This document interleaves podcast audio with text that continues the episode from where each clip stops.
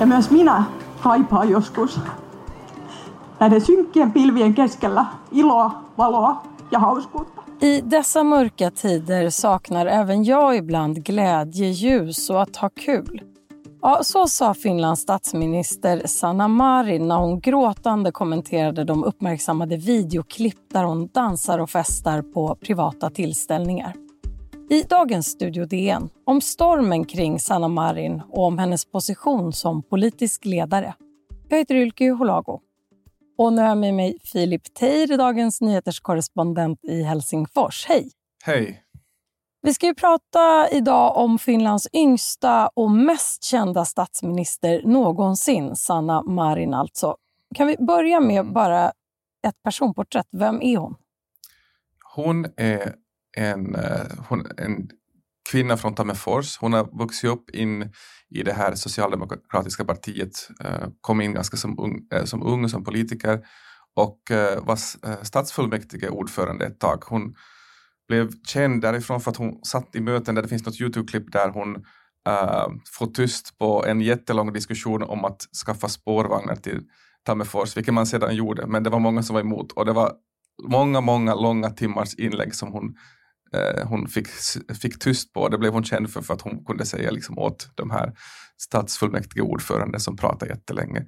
Och hon eh, kom till makten och blev statsminister lite av en slump för att Antti Rinne som då var statsminister efter förra valet 2019 han, uh, han, helt enkelt, han avgick helt enkelt för att det var en liten, fortfarande lite uh, märklig skandal kring, kring posten och strejken i posten där det påstods att, att uh, att, att Antti satt på information som han inte hade berättat om och då blev det lite för hett kring öronen för honom så Sanna Marin klev in och hon, var då i, hon satt då i EU uh, på ett möte när hon fick frågan om, om hon skulle kunna tänka sig att bli statsminister och så gjorde hon det. Och hon är bara 34 år, yngst någonsin. Hur... Ja, hon var 34 när hon tillträdde. Mm. Och nu är hon väl uh, eh, 36 tror jag. Och hur har det, hennes ålder påverkat eh, synen på henne och hennes möjligheter att ta plats som Finlandsledare? Ja, i början så var det ju lite sådär kanske, ja hon är jätteung. Jag minns att eh, i Estland var det någon politiker från högerhållet som sa att en, en kaffeflicka har blivit statsminister i Finland. Det här syftar, nej, en kassaflicka, just det, det syftar på att hon hade suttit i någon kassa i, i något snabbköp som sommarjobbare.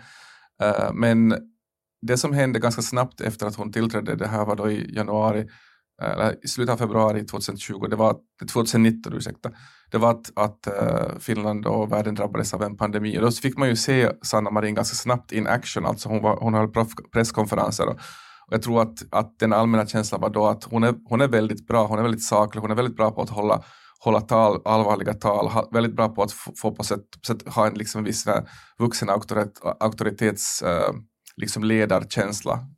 Då tror jag att jättemånga tyckte hon skötte sig jättebra på det här. Efter det så har hon fått stor internationell uppmärksamhet genom NATO-frågan.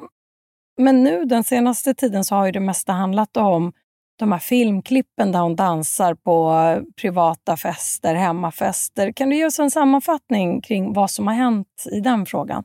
Ja, alltså, bara snabbt, alltså innan den här, de här film, de här filmerna från de här festerna så var hon ju lite redan känd för, eh, för sitt festande, eller kanske för, eller inte ens för sitt festande, men hon var känd internationellt för de här små ska man, man kan kanske kalla dem för skandaler fast de kanske inte riktigt är skandaler. Men, men det var någon, det var, tidigt var det ju någon, en bild av henne som hon hade tagit för, någon, för en äh, finsk damtidning där hon, där hon inte hade någonting under sin kavaj och det var ju en inte en särskilt vågad bild, men det blev ändå nyheter. Jag minns, att jag minns någon klipp från Australien om den här. Och då handlar, nyhet, då handlar ju liksom upp, mest, uppståndelsen egentligen mest kring det att finländarna är upprörda över Sanna Marins bild av, av, av kavaj. Alltså det vill säga, det var liksom ett, en nyhet kring ett drev som kanske inte var ett drev. Och lite liknande grejer har jag upplevt tidigare när jag har bevakat henne, att det är sådär, eh, Sanna Marin var på under corona, alltså under i slutet av pandemin så var hon på en krok tillsammans med sina vänner och samma dag hade,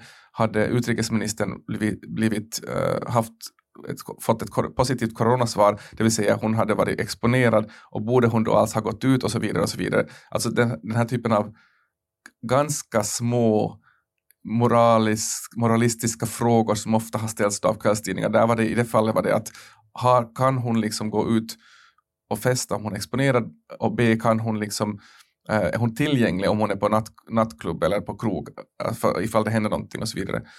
Och den här gången då, så, då var det tidningen Ilta-Sanomat som hade, eller var det Iltalehti, det är två, två finska kvällstidningar, Iltalehti hade publicerat en uh, film som har spridit sig via Instagram. Det är en, en fotograf som Sanna Marin har, har umgåtts mycket med uh, som, som uh, har haft ett privat festkonto där hon har lagt upp bild, filmer från sådana privata fester hon har haft tydligen bland influencers och det var typ 90 följare eller någonting på det konto, privata kontot. Det spred sig sen därifrån och uh, till, till Iltalehti som publicerade och sen Iltalehti skrev typ att vi publicerar den här filmen eftersom den har samhällelig betydelse eftersom det är vår statsminister som dansar. Och då, då minns jag, jag såg den samma kväll det här, klipp, det här klippet och då var det just någon som skrev här är morgondagens stora snackis och det blev ju också morgondagens och följande vecka så följde två veckors stora snackis. Om det är någon som lyssnar på det här avsnittet som inte har hunnit se de här korta klippen, kan du bara beskriva kort vad det är man ser på det, här det som liksom, har figurerat i media? Det känns så absurt att beskriva. Liksom, det är som att gå in på en kompis Instagram och se när de är och dansar. Alltså det, det är ett klipp där Sanna Marin är bland några sådana här halv-B-kändisar, influencers, på någon privat fest tydligen och det är mycket rop och sen dansar man och sjunger till en låt av Petri Nygård som handlar mycket om att dricka alkohol. Och det är svårt att säga från den här filmen om, om, hon är, om, om statsministern är full eller inte. Det kan man ju, det, har, kan det, det beror på ens egen liksom, festvanor. Vissa människor kan väl festa hur mycket som helst fast de inte dricker. Men det blev förstås, det var ju den allmänna tolkningen att hon är jättefull. Och de hon omgav sig med, de här influencersarna, vilka, vilka är det? Vilka skulle vi kunna jämföra med när det gäller svenska kändisar? Så att ja, vi får fick, en bild av jag, sammanhanget. Jag fick den här frågan av en, av en annan svensk, svensk journalist och jag tänkte liksom en tag på det men uh, hon fäster bland annat med Alma som är en ganska stor finsk uh, artist och låtskrivare som skriver bland annat tror jag för Christina Aguilera. Men jag tänkte att kanske det är som om liksom Magdalena Andersson skulle, skulle ha festat hårt med Oscar Sia. Han, han är väl en sån som som omger sig med, med, med, olika personer i kändisbranschen. Och sen liksom den här låten är typ sådär äh, som någon av liksom hovets mest röjiga danslåtar eller så festlåtar. Du jämförde i Dagens Nyheter den här artisten med en mognare Sean Banan beskrev du honom som. Ja, det kanske Vad innebär Sean, det? Nej, men det är kanske som om Sean Banan skulle ha liksom vuxentext, alltså texter som är lite barnförbjudna. För han var väl mera en sån här lite för de här texten, den, här text, den här låtens text handlar ganska mycket om, liksom att, om att supa vilt och dricka whisky och liksom sådär. Och det är ju förstås lite roligt att, att, att, att statsministern sjunger högt i det, men det, det är väl fullständigt tillåtet också. Ja, och ändå så har ju det här då blivit en, ja, något av en eh, skandal. Sanna Marin eh, gick självmant och drogtestade sig för att, mm. som hon sa, få slut på spekulationer eh, kring det. Hur har de här läckta dansklippen tagits emot i, i Finland i debatten? Alltså, Uh, det, är mycket, det, det, det, har blivit en stor diskussion om mediernas ansvar bland annat för att det här upplevs av många som ett drev som egentligen inte har någon, någon botten överhuvudtaget. En av orsakerna till att, att hon överhuvudtaget tog det här drogtestet var att det började förekomma liksom spekulationer kring att det i det här klippet hänvisas, hänvisas till droger. Eh, och det blev liksom, fick sådana absurda proportioner att, liksom, att man började göra så här uh, audioanalyser av klippet för att se klippet för att höra vad, man, vad som verkligen sades där. Var det, det, i den låten som spelades? Ja, nej, det var mera i vad de ropade liksom där i bakgrunden i klippet. Men det hela det här liksom också började dessutom med att, att det finns eh, en sån här anonym chattforum i Finland som heter uh, Yle Lyönti, tror jag det heter. Uh, Ylilauta som är lite som ett finskt uh, Flashback. Och där hade då någon liksom spekulerat kring att de ropar jauhogänget, vilket betyder då ungefär pulvergänget eller mjölgänget. Och då, blev det liksom, då, började här, då började man göra audioanalyser att ropade de egentligen jallogänget, vilket skulle vara en syftning till den finska spriten jallo eller jallovina. Och sen var väl egentligen slutsatsen att de kanske inte ropar någonting alls i den, i den liksom i den stilen utan det egentligen bara var no någonting som hade att göra med låttexten som lät lite likadant. Men det här då ledde till det här att har, har statsministern äh, tagit kokain. Och, och då var det ju då är det så här, de, hon umgås i den här klippen med människor som man ändå skulle kunna tänka sig att inte skulle vara helt omöjligt att de skulle syssla med droger eller kanske Kanske, men det här är också sån här liksom jättetypisk då spekulation som jag egentligen inte, inte borde slänga ut mig ens här i den här podden. För, att, för det är ju sånt här som den leder till, folk har liksom vild fantasi och så leder det till att det blir liksom uh, till, till större än vad det kanske egentligen var. Den här, den här kvinnan som tog den här, den här filmen, uh, Janita Autio, så hon, hon kom också ut i medierna och sa att hon har liksom aldrig någonsin i sitt liv ens prövat droger och hon tycker att det är helt förskräckligt att, att det förekom sådana spekulationer. Det är ju inte första gången en högt uppsatt pol finländsk politiker uppmärksammas i en eh, slags skandal där det finns alkohol med i bilden. Hur har frågan diskuterats vid tidigare fall? Uh, man, kan ju ta, man kan ju ta ett ganska färdigt exempel. Det finns en sannfinländsk eh, uh, EU-ledamot, Teuvo Hakkarainen, som, som, uh, som blev uh, som, som uppmärksammades för att han hade, han hade liksom betett sig väldigt illa på en julfest och han sitter ju kvar och, folk, och det, ju, det finns kanske en känsla av att, av att det lite hör till den här finländska festkulturen med att, att alkohol ska förekomma men då är just den här frågan att var går gränsen? Kan man vara statsminister och måste hon vara på semester eller kan hon vara i tjänstetid full och så vidare? Att det, det har blivit en, en diskussion om det här i, i landet men eh, men alkohol, jo, det har ju förekommit absolut i Finland redan om man tänker på, på president Kekkonens bastukvällar med, med, med andra politiker eller med beslutsfattare. Så det är väl lite av en, av en det, det är man väl ändå van med i Finland. Men vilka skillnader finns det i dagens debatt kring eh, Sanna Marin? Påverkar det till exempel att hon är en yngre kvinna, vilket ju vissa har anfört i debatten? Vad skulle du säga?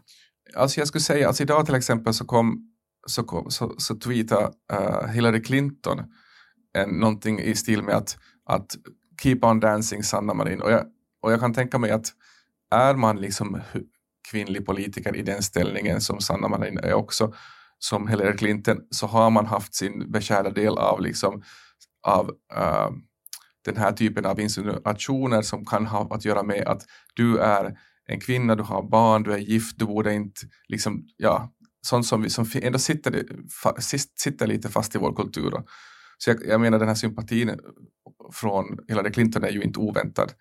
Eh, och säkert finns, säkert, det är kanske lättare att fråga en kvinnlig politiker om det finns den typen av, av uh, mekanismer. Jag kan inte säga det, men jag, jag, tycker att det känns ganska rimligt att det har någonting att göra med det också. Men vilka är det som har drivit på det här drevet som ändå har funnits mot Sanna Marin?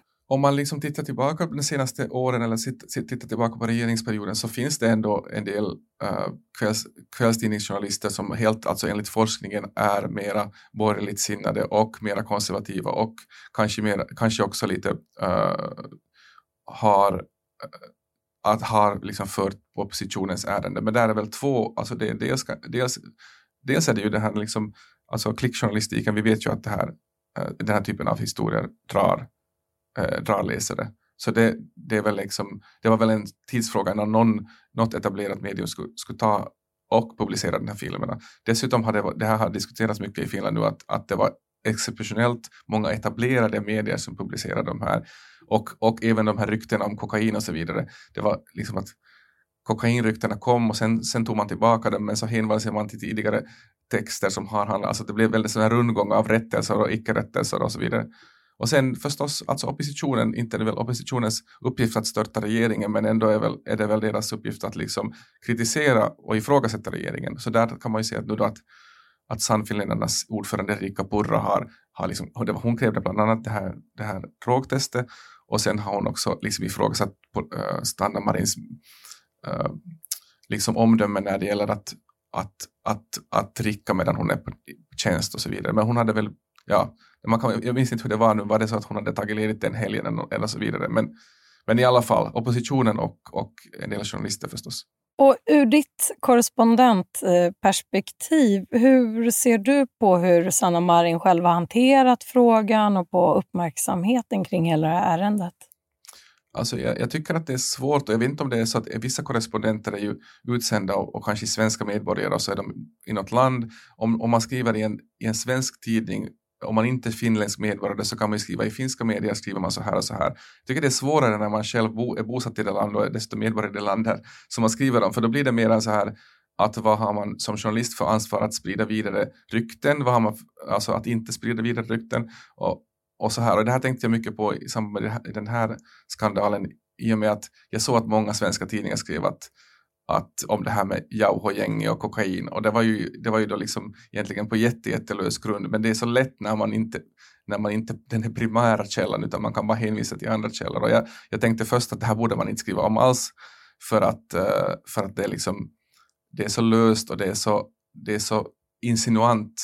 Men sen när det väl blir tillräckligt stort så har man ju ändå en ansvar för sitt bevakningsområde och berätta vad det här, det här är det som snackas om. Så jag tycker inte det är alldeles enkelt faktiskt det, det, man får försöka hålla liksom, uh, huvudet lite kallt och försöka beskriva situationen och inte liksom gå dra, dra till med sånt som man bara har hört ryktesvägen.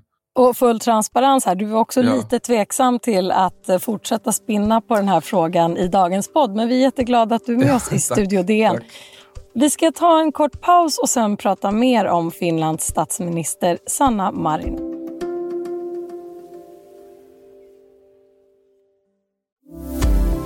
Okay, okay. I know that clip is extremely confusing for Americans, so let me try and explain.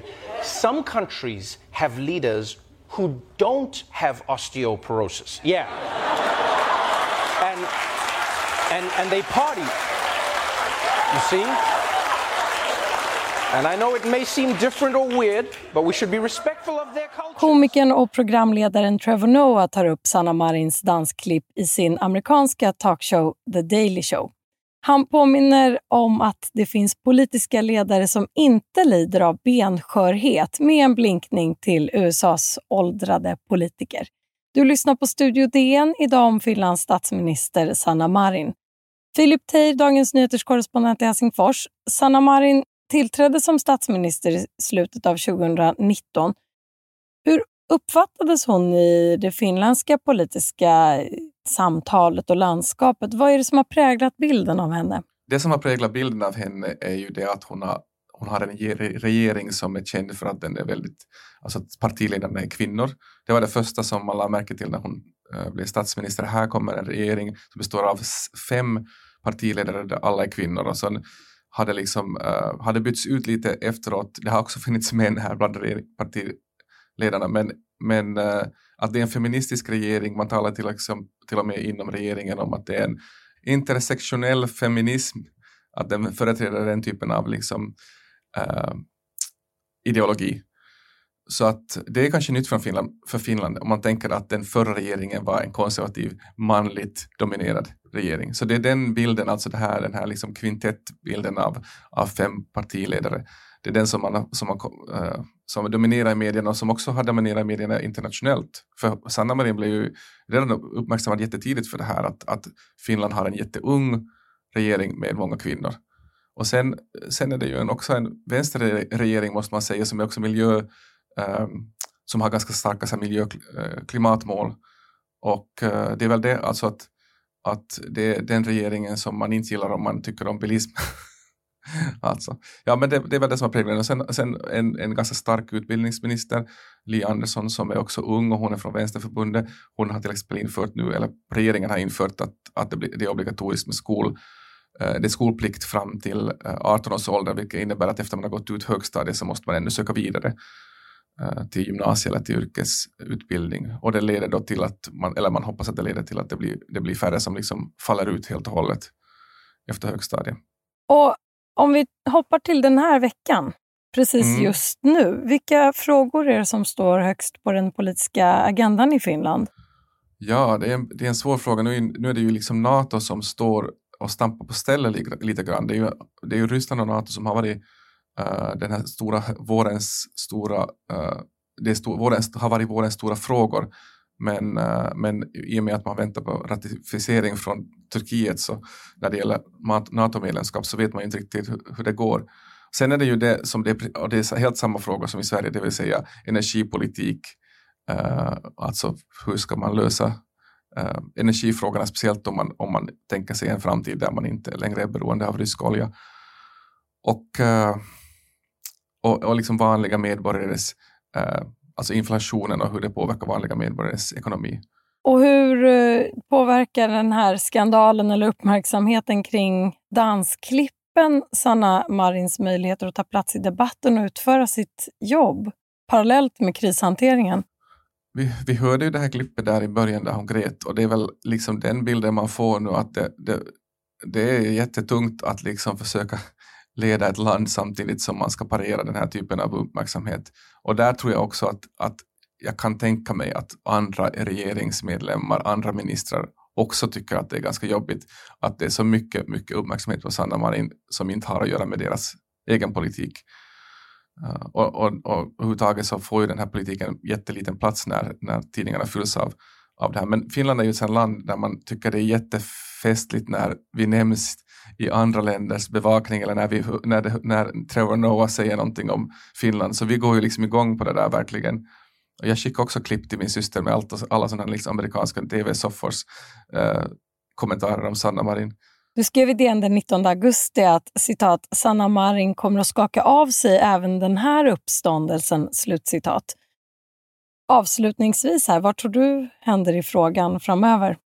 Jag hoppas ju att jag har rätt, för det skulle också ge liksom legitimitet för mig som finlandskorre. Jag, jag tycker att hittills så så verkar det lite som att den här stormen har bedarrat. Jag kollar lite uh, de senaste nyheterna här på olika sajter och det, hon ligger inte i topp längre.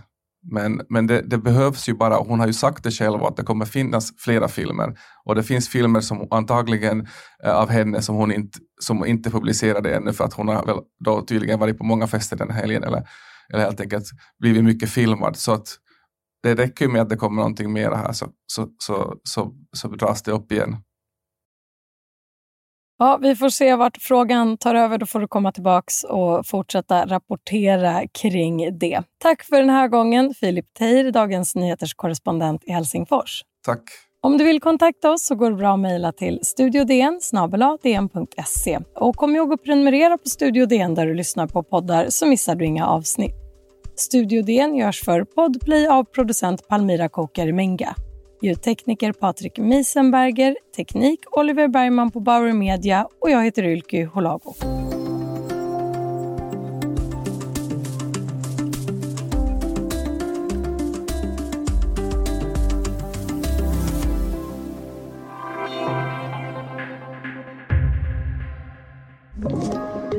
Podplay.